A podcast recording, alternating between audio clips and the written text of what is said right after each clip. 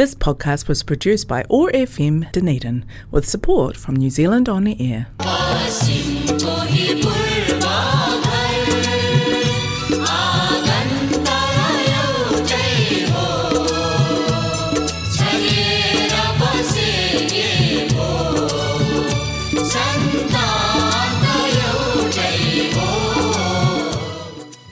नमस्ते। हरेक मङ्गलबार साँझको छत्तिस बजे प्रसारण हुने ओट्यागो एक्सिस रेडियोबाट सञ्चालित कार्यक्रम हाम्रो आवाजमा म आशिष। र म टिका कौशिक। सम्पूर्ण श्रोताहरूमा हार्दिक अभिवादन गर्दछौँ। आज मङ्गलबार स्पिसन दुई हजार एक्काइस डिसेम्बर सात तदनुसार विक्रम सम्मत दुई हजार अठहत्तर मङ्सिर एक्काइस गते। डनेडी नेपाली समाजको प्रस्तुति रहेको छ कार्यक्रम हाम्रो आवाज। भने यस कार्यक्रमलाई प्रायोजन गरेको छ कनेक्टिङ कल्चर र एथनिक कम्युनिटीले हाम्रो आवाज ओटेगो एक्सिस रेडियो एक सय पाँच थुप्रो चार मेगा हर्जमा हरेक मङ्गलबार न्युजिल्यान्डको समयअनुसार साँझ छत्तिसदेखि सात बजेसम्म सुन्न सक्नुहुनेछ भने पोडकास्ट तथा आइट्युनबाट तपाईँहरूले आफूले चाहेको बेला सुन्न सक्नुहुनेछ। कार्यक्रम हाम्रो आवाजमा आज साहित्यिक कार्यक्रम सुन्न सक्नुहुनेछ। कार्यक्रम सुरु गर्नुभन्दा अगाडि नारायण गोपालको एकतिसौँ स्मृति दिवस गत आइतबार डिसेम्बर पाँच तारिक परेको थियो। दुई दिन ढिलै भए पनि कार्यक्रम हाम्रो आवाजमा हामी स्वर्गीय स्वर सम्राट नारायण गोपालप्रति हार्दिक श्रद्धाञ्जली अर्पण गर्न चाहन्छौँ। अब कार्यक्रममा म तपाईँहरूलाई पहिलो सङ्गीतिक कोसेली छोड्न चाहन्छु र यो गीतको शीर्षक रहेको छ मेरो भूगोल।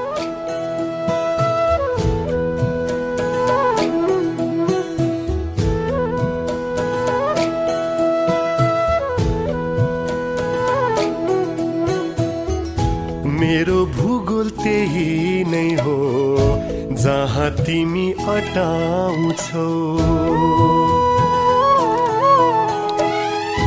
मेरो भूगोल त्यही नै हो जहाँ तिमी अटाउँछौ। मेरो जीवन त्यति नै हो जति तिमी कटाउँछौ। मेरो जीवन त्यति नै हो जति तिमी कटाउँछौ। मेरो भूगोल त्यही नै हो जहाँ तिमी अटाउँछौ।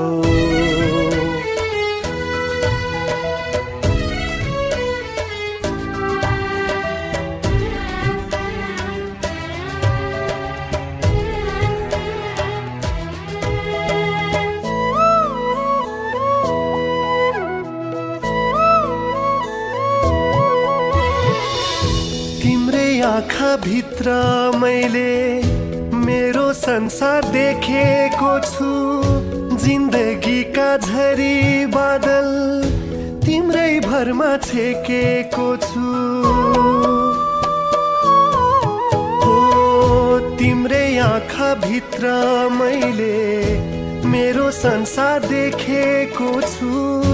जिन्दगीका झरी बादल तिम्रै भरमा छेकेको छु। मेरो मनको पूर्णिमा हो। मेरो मनको पूर्णिमा हो। सधैँ जुन पठाउँछौ मेरो भूगोल त्यही नै हो। जहाँ तिमी अटाउँछौ मेरो जीवन त्यति नै हो। जति तिमी कटाउँछौ मेरो जीवन त्यति नै हो जति तिमी कटाउँछौ। मेरो भूगोल त्यही नै हो जहाँ तिमी अटाउँछौ।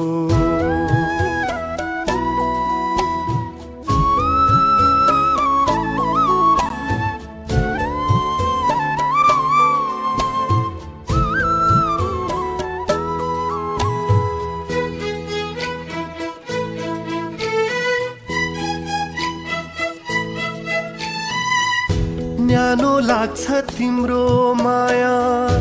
पहाडिलो घाम सरी। फुल्छौ मेरो मुटु माझ। लाग्छौ मनको सुना खरी न्यानो लाग्छ तिम्रो माया। पहाडिलो घाम सरी। फुल्छौ मेरो मनको सुना खरी। मेरो सत्य त्यही नै हो। मेरो सत्य त्यही नै हो। जे जे तिमी बताउँछौ मेरो भूगोल त्यही नै हो। जहाँ तिमी अटाउँछौ मेरो जीवन त्यति नै हो। जति तिमी कटाउँछौ। मेरो जीवन त्यति नै हो जति तिमी कटाउँछौ। मेरो भूगोल त्यही नै हो जहाँ तिमी अटाउँछौ।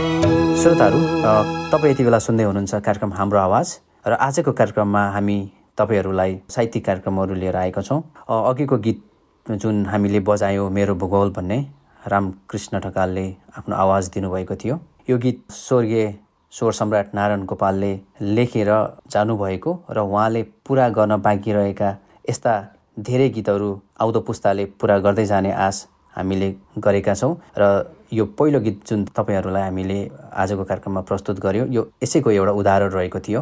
रामकृष्ण ढकालले आफ्नो आवाजमा स्वर्गीय स्वर सम्राट नारायण गोपालले लेखेर सङ्गीत भरेर छोड्नुभएको गीत। उहाँले पुरा गरेर तपाईँ हामी माझ लिएर आउनुभयो। निकै नै रमाइलो कुरा हो आशिकजी। किनभने कसैको पनि जीवनकालमा सबै कुरा चाहेर पनि गर्न सकिन्न। यो एउटा उत्कृष्ट नमुना हो। त्यस्तै अर्को एउटा नारायण गोपालको सपना जुन अधुरो रहेको थियो सपनालाई पुरा गर्ने जमर्को भइरहेको छ त्यसको म छोटो जानकारी यहाँ राख्न चाहन्छु। विक्रम सम्बत दुई हजार चौवालिस सालमा आयोजित स्वर्णिम सन्ध्यामा नारायण गोपालले आफ्नो साङ्गीतिक प्रस्तुतिमा चाहेर पनि भयोलिन सामेल गराउन पाएका थिएनन् रे। अर्केस्ट्रा सङ्गीतका धुनमा उनका गीतहरू संयोजन गर्न तीन दशकदेखि सङ्गीतकार राजकुमार श्रेष्ठ लागि परेको समाचार सुनिएको छ। यसरी नै उनले देखेका तर पुरा नभएका सपनाहरू अब अर्को पिँढीले पुरा गर्नुपर्ने देखिन्छ। पक्कै पनि कतिपय कुरा तपाईँले अघि पनि उठाइहाल्नुभयो। सबै कुराहरू आफ्नो जीवनकालमा पुरा गर्न सकिँदैन तर त्यस्ता गर्न नसकेका कुराहरू सायद त्यो कृति होस् अथवा कुनै पनि चिजहरू होस् त्यो आउने पिँढीले त्यसलाई पुरा गर्यो भने अग्रजको लागि र नेपाली साहित्य सङ्गीत भाषाको लागि चाहिँ साह्रै नै राम्रो हुने गर्छ। जुन तपाईँले यो प्रोजेक्ट कुरा गर्नुभयो नारायण गोपालको उहाँले भाइलिन बाहेक अरू कुनै नयाँ साङ्गीतिक सामग्रीहरू जोडेर गाउने कोसिस गर्नुभएको थियो। त्यो अहिले थाहा छैन किनभने कतिवटा कुरा त हामीले अन्वेषण गर्न खोजी गर्न रिसर्च गर्न बाँकी नै होलान्। पछि पछि केही कुराहरू आउलान् होइन? हामीले स्वर्गीय स्वर सम्राट नारायण गोपालको एकतिसौँ स्मृति दिवस अघिल्लो हप्ता परेको हुँदा उहाँको बारेमा अलिकति कुराहरू र आगामी दिनमा उहाँलाई सम्झिने गरी नयाँ पिँढीले उहाँको पुरा हुन नसकेको प्रोजेक्टहरू गर्ने कुरा यहाँ भर्खरै टिकाजीले हामीलाई भन्नुभयो। अब कार्यक्रममा आज हामी तपाईँहरूलाई अरू विभिन्न कोसेलीहरू लिएर आइसकेका छौँ। हामीसँग गीत कविता लोककथाहरू पनि रहेको छ र मुक्तक पनि रहेको छ। कार्यक्रममा हामी पहिलो कविता तपाईँहरूलाई सुनाउन चाहन्छौँ। टिकाजीको आफ्नो कविता रहेको छ। धन्यवाद आशिकजी। यो एउटा कविता न्युजिल्यान्ड साहित्य समाजले स्पन्दन भन्ने पत्रिका यसले प्रकाशन क्रममा छ अहिले। त्यो पत्रिकाको लागि लेखेको एउटा कविता म यहाँ आज हाम्रो रेडियो कार्यक्रम हाम्रो आवाज मार्फत पनि वाचन गर्न चाहन्छु। मेरो कविताको शीर्षक छ हराउँछ। तारतम्य किन मिल्दैन भन्न सक्दिनँ। शरीरमा ऊर्जा नभएर भनौँ भने ऊर्जा खपत नभएर मोटोपना बढेको छ। ऊर्जा छ भनौँ भने जाँगर आउँदैन। ऊर्जा खपत नभएर मोटोपना बढेको छ ऊर्जा छ भनौँ भने जाँगर आउँदैन। त्यसैले रदीफ हराउँछ काफिया हराउँछ अनि मेरो गजल हराउँछ। रदीफ हराउँछ काफिया हराउँछ अनि मेरो गजल हराउँछ। बेचैन किन बढ्छ? बिना काम हैरान छु। बेचैन किन बढ्छ? बिना काम हैरान छु। गुरुलाई डाक्टरलाई र मनोचिकित्सकलाई सोध्छु। न गुरु न डाक्टर न मनोचिकित्सक। कसैको उत्तर पाएको छैन आज तक। न गुरु न डाक्टर न मनोचिकित्सक कसैको उत्तर पाएको छैन आज तक। त्यसैले रदीफ हराउँछ काफिया हराउँछ अनि मेरो गजल हराउँछ। रदीफ हराउँछ काफिया हराउँछ अनि मेरो गजल हराउँछ। थाहा छैन कि म समवेदनाहीन भएँ। कि यो जगत समवेदनाहीन भयो? ज्योतिले उज्यालो दिँदै दिँदैन शिक्षाले शिक्षित बनाउँदै बनाएन। ज्योतिले उज्यालो दिँदै दिएन शिक्षाले शिक्षित बनाउँदै बनाएन। त्यसैले रदीफ हराउँछ काफिया हराउँछ अनि मेरो गजल हराउँछ। रदीफ हराउँछ काफिया हराउँछ अनि मेरो गजल हराउँछ।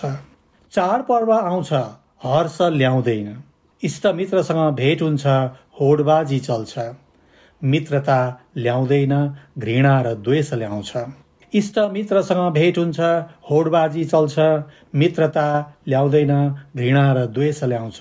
त्यसैले रदीफ हराउँछ काफिया हराउँछ अनि मेरो गजल हराउँछ।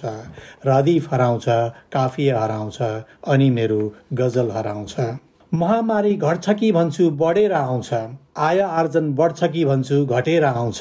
खर्च घट्छ कि भन्छु झन् बढेर आउँछ। आय आर्जन बढ्छ कि भन्छु घटेर आउँछ। खर्च घट्छ कि भन्छु झन् बढेर आउँछ। सन्तुलन ल्याउँदै ल्याउँदैन।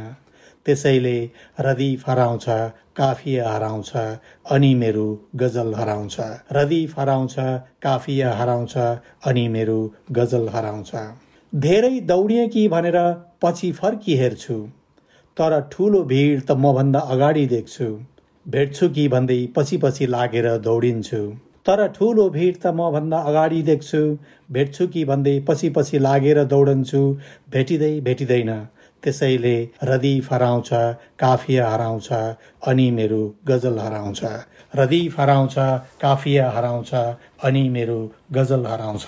राम्रो कविता प्रस्तुत गर्नुभयो ठिकाजी मलाई यो कवितामा सबैभन्दा पहिला सबैभन्दा बलियो लाग्यो कि तपाईँको पहिलो हरफ रहेको छ?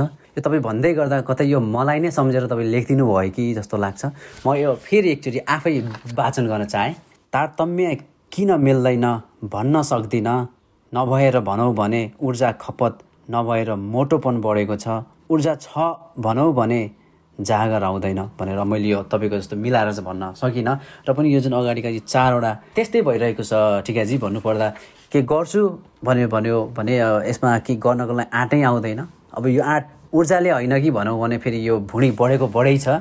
साह्रै राम्रो कविता सुनाउनु भयो। तपाईँले लाइन वाचन गर्न मन पराउनु भयो त्यसको लागि म खुसी छु। र अलिकति म आफैमा एउटा जोस पनि थपिएको छ जब कि तपाईँले वाचन गरिसके पछाडि किनभने लेखकहरूले अथवा कविहरूले अथवा सृजनाकारहरूले केही कुरा लेखेपछि पाठकले छोएर मेरो जस्तै कथा मलाई नै सम्झेर लेखेको हो कि भन्ने सबैलाई महसुस हुँदो रहेछ। यो चाहिँ मलाई आफैलाई महसुस गरेर लेखेको तर जुन तपाईँलाई पनि छोयो भने यसमा मेरो अलिकति स्तरीय कायम भएछ भन्ने म पक्कै पनि। अनुभव गर्दछु। तपाईँको कविताको त्यो पहिलो हरफ नै एकदमै मलाई एकदमै कडा लाग्यो। श्रोताहरू तपाईँ यति बेला हामीलाई सुन्दै हुनुहुन्छ कार्यक्रम हाम्रो आवाजमा। ओटेको एक्सिस रेडियो एक सय पाँच थुप्रो चार मेगाहर्समा हरेक मङ्गलबार न्युजिल्यान्डको समयअनुसार साँझ छत्तिसदेखि सात बजीसम्म सुन्न सक्नुहुनेछ। कार्यक्रममा म अब तपाईँहरूलाई अर्को खुसेली राख्न चाहेँ एउटा सानो गीत राख्न चाहेँ। यो गीत हामीलाई एसपटनबाट बेनिता थापाले पठाउनु भएको छ। यसरी नै न्यानो माया पाइराख्नु सानो हृदय र मस्तिष्कमा छाइराख्नु सानो यसरी नै न्यानो माया पाइराख्नु सानो हृदय र मस्तिष्कमा छाइराख्नु सानो सङ्घर्षमा साथ दिने हजुर हुनुहुन्छ। सधैँभरि हजुरको नाम गाइराख्न सानो। सङ्घर्षमा साथ दिने हजुर हुनुहुन्छ। सधैँभरि हजुरको नाम गाइराख्नु सानो। बाधा अनि व्यवधानलाई पन्छाउँदै बढाउँ। सुन्दुर पोते चुरा सधैँ लाइराख्नु सानो। सिन्दुर पोते चुरा सधैँ लाइराख्नु सानो। सुख अनि दुःखमा नि साथ हजुर मेरो। जता हजुर उतैतिर दाइराख्नु सानो। सुख अनि दुःखमा नि साथ हजुर मेरो जता हजुर उतैतिर दाई राखो सानो। धन्यवाद विनित थापा। तपाईँलाई यो हामीलाई पठाउनु भएको गजलको लागि। त्यस्तै गरी अब अर्को मुक्तक तपाईँहरू राख्न चाहेँ। पश्चातापले पोल्न सक्छ झुटको मात्रै खेती गर्दा। पश्चातापले पोल्न सक्छ झुटको मात्रै खेती गर्दा। कुनै दिन एक्लिन सक्छ गुटको मात्रै खेती गर्दा। कुनै दिन एक्लिन सक्छ। गुटको मात्रै खेती गर्दा। समय त आफ्नो रफ्तारमा लम्किरहेको छ थाहा छ। समय त आफ्नो रफ्तारमा लम्किरहेको छ थाहा छ। प्रयोग गर्न नपाई मर्न सक्छ लुटको मात्रै खेती गर्दा। प्रयोग गर्न नपाई मर्न सक्छ लुटको मात्रै खेती गर्दा। श्रोताहरू अब हामी कार्यक्रममा अर्को कोसेली राख्न चाहन्छौँ र अर्को कोसेली हामीसँग के छ ठिकाजी? यो एउटा लघु कथा छ। कालको डर शीर्षकको लघुकथा यसलाई युवराज भण्डारीले पठाउनु भएको छ नर्थ आइल्यान्डबाट। उहाँको निकै नै मिठो तर छोटो कथा म यहाँ प्रस्तुत गर्न चाहन्छु। दमारे बजै बितेको सात आठ वर्ष भयो। बजै बितेपछि बाजे बिमार हुँदै गए। लामो समय बिमार भएकोले स्याहार नपुगेको हुन सक्छ। अचेल उनी राम्रोसँग हिँड्न सक्न छोडे। हरपल म एक्लै भएँ केही गर्न नसक्ने भएँ। पाखुरामा बल हराएपछि हेला भइँदो रहेछ। मलाई लिन काल पठाइदेऊ भन्दै भगवान्सँग बिन्ती गर्न थाले। खोक्दै खाटमा पल्टिरहेका थिए। अचानक कोठाको ढोका खुल्यो। एका बिहानै को आयो भन्दै झसङ्ग भए। ढोकानिर बडेमानको कालो मान्छे उभिएको थियो। को हो भन्न नपाउँदै उसले भन्यो म काल हुँ लिन आएको। बाजे खुसी भए। हात जोडेर धन्यवाद भन्दै थिए। खोकीले गर्दा बुझिएन। कालले सोध्यो तिमीलाई खोकी लागेको छ? उनले मन्टोको सहाराले अँ भने घाँटी दुख्छ? अँ भने ज्वरो पनि छ? अँ भने काल हस्कियो। बाजे तिमीलाई कोरोना भए जस्तो छ। उसले भन्यो म मास्क र पन्जा लगाएर आउँछु भन्दै काल निस्क्यो। बाजे पर्खँदै दिन काट्न थाले। कस्तो अचम्म। लघुकथा थियो।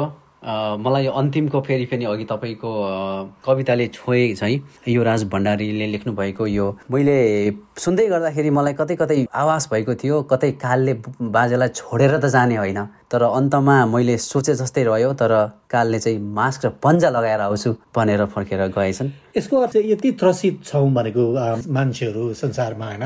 कोरोनाले मान्छेलाई यति तर्साएको छ जबकि मानिसहरू मात्रै होइन।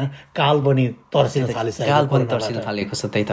युवराज भण्डारीलाई धेरै धेरै धन्यवाद। धेरै मिठो कथा रहेको थियो। हामीलाई यसै गरी आफ्ना सृजनाहरू सृजनाहरू पठाइराख्नु हुनेछ भनेर आशा पनि लिएका छौँ। श्रोताहरू अब मसँग अर्को छोटो एउटा कथा रहेको छ लोककथा। र यो युवावर्गहरूको लागि विशेष लेखिएको छ। कथाको शीर्षक छ लोभ। मानिसलाई अनेक प्रकारका दुःखका खाडलहरूमा पार्न अवगुणहरूमध्ये लोभ एउटा प्रमुख अवगुण हो। लोभले मानिसलाई कस्तोसम्म अवस्थामा पुर्याउँदो रहेछ। तथा भनौँ लोभ भन्ने के रहेछ भन्ने बारे म तपाईँहरूलाई एउटा कथा सुनाउन चाहन्छु। कुनै गाउँमा दुईजना साथी थिए साह्रै मिल्ने साथीहरू थिए। उनीहरू विदेश जाने सोच गरेर उनीहरू विदेश गए। विदेश गएर खुब काम गरेर धन कमाउन थाले र ती दुईजना विदेश गएर कडा परिश्रम गरेर प्रशस्त धन कमाएपछि गाउँ फर्किने सोच गरेर दस वर्षपछि गाउँ फर्किने थाले। र उनीहरू जाँदा पनि सँगै गएका थिए त्यसैले गर्दा उनीहरू फर्किन पनि सँगै फर्किए। बाटोमा पहिलो दिनकै बास नजिक पुग्न लाग्दा एउटा साथीलाई यस्तो विचार आएछ। यसलाई बाटोमै मारेर यसको धन समेत आफै लैजान पाए धेरै धनी हुने थिए। यस्तो ठानी बाटेबाट तिनले एक सिसी कडा बिस र दुईवटा लड्डु किनेर लिएर गए। साथीले नदेख्ने गरी लड्डुमा बिस मिलाएर राति छेउतिर राखेर एकजना साथी सुते। अर्को चाहिँ साथीलाई पनि राति त्यस्तै विचार आएछ। उसले उति नै खेर त्यो सुतिरहेको साथीलाई छुरीले रोपेर मारेर जङ्गलमा लगेर फाले र घर आइसकेपछि भोक लाग्यो र के खाउँ के खाउँ भएको देखेर छेउमै भएको लड्डु खाएँ र ऊ लड्डु खाने बित्तिकै ऊ त्यहीँ ढलिहाले। कथा यति नै थियो श्रोताहरू। त्यस्तो जाबो क्षुद्र धनको लोभले गर्दा त्यस्ता मिल्ने साथीको मित्रता मात्र टुटेन दुवैले ज्यान समेत गुमाउनु पर्यो। त्यत्रो परिश्रम गरेर कमाएको धन अनर्थको कारण बन्न पुग्यो र यो छोटो कथाबाट के शिक्षा लिन सकिन्छ भने मानिसलाई आइपर्ने सबै प्रकारको दुःख कष्ट चिन्ता भनौँ अशान्ति आदि नै पापको भोग हुन्। पापको प्रमुख कारण लोभ हो तथा लोभको कारण धन हो। यी कुरालाई बुझेर यदि हामी पनि दुःख चिन्ता आदिबाट छुट्न वा बस्न चाहन्छौँ भने पाप कर्म नगरौँ लोभ नगरौँ तथा धेरै धनतिर मन नदिउँ। त्यसैले भनिएको छ लोभले लाभ लाभले बिलाप। अत्यन्तै मिठो कथा तपाईँले कथा वाचन गरिरहँदाखेरि मेरो मस्तिष्क भगवान् बुद्धका मार्ग निर्देशन जुन फोर नोबल ट्रुथ र एट फोर पासलाई मैले सम्झिरहेँ हाम्रो आफ्नै दुःखको कारण चाहिँ हाम्रो लोभ लालचहरू हुन्छन् भनेर होइन यसलाई पन्साउन सक्यो भने हामीले हाम्रो जीवनमा प्रगति ल्याउन सक्छौँ पक्कै पनि हामीले यो कथाले हामीलाई दिन खोजेको शिक्षा पनि त्यही रहेको थियो। हामी जति लोभ गर्छौँ त्यति नै हामी हाम्रो मनमा त्यस्तै कुदृष्टिहरू कुविचारहरू आइपुग्छ। त्यसले गर्दाखेरि चाहिँ हामीलाई सफलतातिर भन्दा पनि हामीलाई चाहिँ अर्को दिशातिर असफल बनाइरहेको असफल बनाइरहेको हुन्छ भने यसको शिक्षा रहेको थियो। र कार्यक्रममा टिकेजी हामीसँग अरू केही कुसिलीहरू छन्? मसँग एउटा अर्को कविता छ। यही साल क्राइस्ट चर्च निवासी श्री डाक्टर वीरेन्द्र खेसीले एउटा कविताको सङ्गालो पुस्तक प्रकाशन गर्नुभएको छ र पुस्तक उहाँको पुस्तकको नाम छ आमाको काखमा दुखेको देश। निकै नै मिठो शीर्षक र कविताको सङ्गालो जुन पुस्तकमा लेखेका समेटेका कविताहरू एकदमै राम्रा र मिठा कविताहरू छन् त्यसमध्ये अलिक सान्दर्भिक भनौँ न आजको युगलाई र युवावर्गलाई काम लाग्ने खालको अथवा सान्दर्भिक भएकोले गर्दाखेरि मैले यो कविता यहाँनिर लिएँ। जुन कविताको शीर्षक मैले अघि नै भनिहालेँ एक्काइसौँ शताब्दीका सचेत युवा भनेर। यो कविता म वाचन गर्न लागेँ। थकाइ हार र लक्ष्यहीन जीवन हामीलाई किमार्थ स्वीकार छैन। थकाइ हार र लक्ष्यहीन जीवन हामीलाई किमार्थ स्वीकार छैन। एकै पाइलामा लक्ष्य भेटियोस् त्यो पनि हामी चाहँदैनौँ। लक्ष्यमा पुग्दा खुट्टा दुखेको अनुभूति हुँदैन भने त्यो प्राप्तिको के मजा? लक्ष्यमा पुग्दा खुट्टा दुखेको अनुभूति हुँदैन भने त्यो प्राप्तिको के मजा? त्यसैले हामी अप्ठ्यारोमै लक्ष्य चुन्छौँ र त्यो प्राप्तिको यात्रामा दिनरात नभनी अनवरत तल्लीन रहन्छौँ। त्यसैले हामी अप्ठ्यारोमा लक्ष्य चुन्छौँ र त्यो प्राप्तिको यात्रामा दिनरात नभनी अनवरत तल्लीन रहन्छौँ। कठिनाई चिर्दै लक्ष्यमा लम्किएका पाइलाहरू एक निमेष रोकिने छैनन्। आकाङ्क्षा र महत्वाकांक्षा स्वाभिमान र अभिमान। कठिनाई चिर्दै लक्ष्यमा लम्किएका पाइलाहरू एक निमेष रोकिने छैनन्। आकाङ्क्षा र महत्वाकांक्षा स्वाभिमान र अभिमान। यी सबै घोलिएका रगत हाम्रा धमनीहरूमा हरपल उर्लिरहन्छ। यी सबै घोलिएको रगत हाम्रा धमनीहरूमा हरपल उर्लिरहन्छ। यी सबै घोलिएको रगत हाम्रा धमनीहरूमा हरपल उर्लिरहन्छ। हामी मनमा बुद्ध मुटुमा बलभद्र र मस्तिष्कमा सचेतना बोकेर उर्ली हिँड्ने। हामी मनमा बुद्ध मुटुमा बलभद्र र मस्तिष्कमा सचेतना बोकेर उर्ली हिँड्ने। एक्काइसौँ शताब्दीका सचेत युवा हुँ। मस्तिष्कमा सचेतनामा बोकेर उर्ली हिँड्ने एक्काइसौँ शताब्दीका सचेत युवा हुँ। धन्यवाद। धेरै नै राम्रो शब्दहरू प्रयोग गर्नुभएको रहेछ उहाँ सर्जकले यो एक्काइसौँ शताब्दी मात्र नभएर आउने शताब्दी बाइसौँ तेइसौँ शताब्दीका युवाहरूलाई पनि यो साह्रै नै काम लाग्ने यो कवितामा उहाँले आफ्नो सन्देशहरू धन्यवाद सन्देशहरू दिनुभएको छ। उहाँलाई धेरै धेरै धन्यवाद। श्रोताहरू कार्यक्रमको निर्धारित समय सकिन लागेको छ। तपाईँहरूलाई आफूले चाहेको बेला कार्यक्रम हाम्रो आवाज सुन्न सक्नुहुनेछ। यदि तपाईँ आइओएस चलाउनुहुन्छ भने सिधै आइट्युनबाट र एन्ड्रोइड चलाउनुहुन्छ भने पोडकास्ट एपबाट हाम्रो आवाज टाइप गरेर सर्च गर्नुभयो भने हाम्रो आवाज हटाएको एक्सिस रेडियो स्वतः देखिनेछ। त्यसमा क्लिक गरेर आफ्नो अनुकूल समयमा सुन्न सक्नुहुनेछ। जाँदा जाँदै हाम्रो आवाजका प्रायोजक कनेक्टिङ कल्चर र आजका सबै सर्जकहरूलाई धन्यवाद दिँदै आउँदो मङ्गलबार साँझ छत्तिस बजी फेरि भेट्ने बाचाका साथ प्राविधिक मित्र जियोप म आशिष र म टिका कौशिक आजको कार्यक्रमबाट बिदा हुन चाहन्छौँ। नमस्ते शुभरात्रि।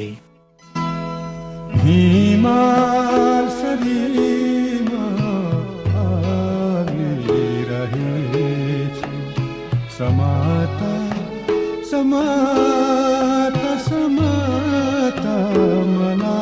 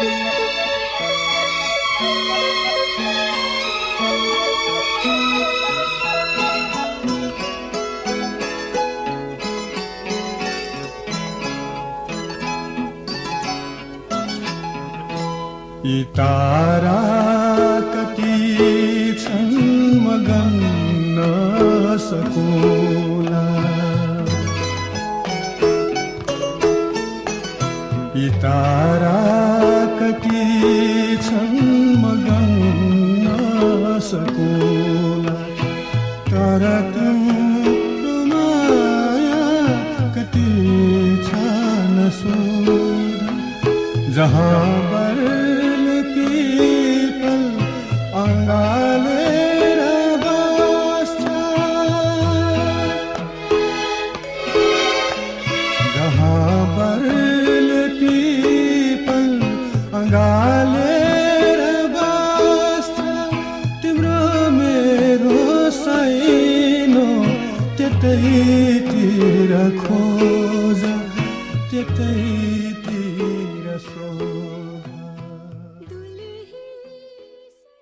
This podcast was produced by ORFM Dunedin with support from New Zealand On the Air.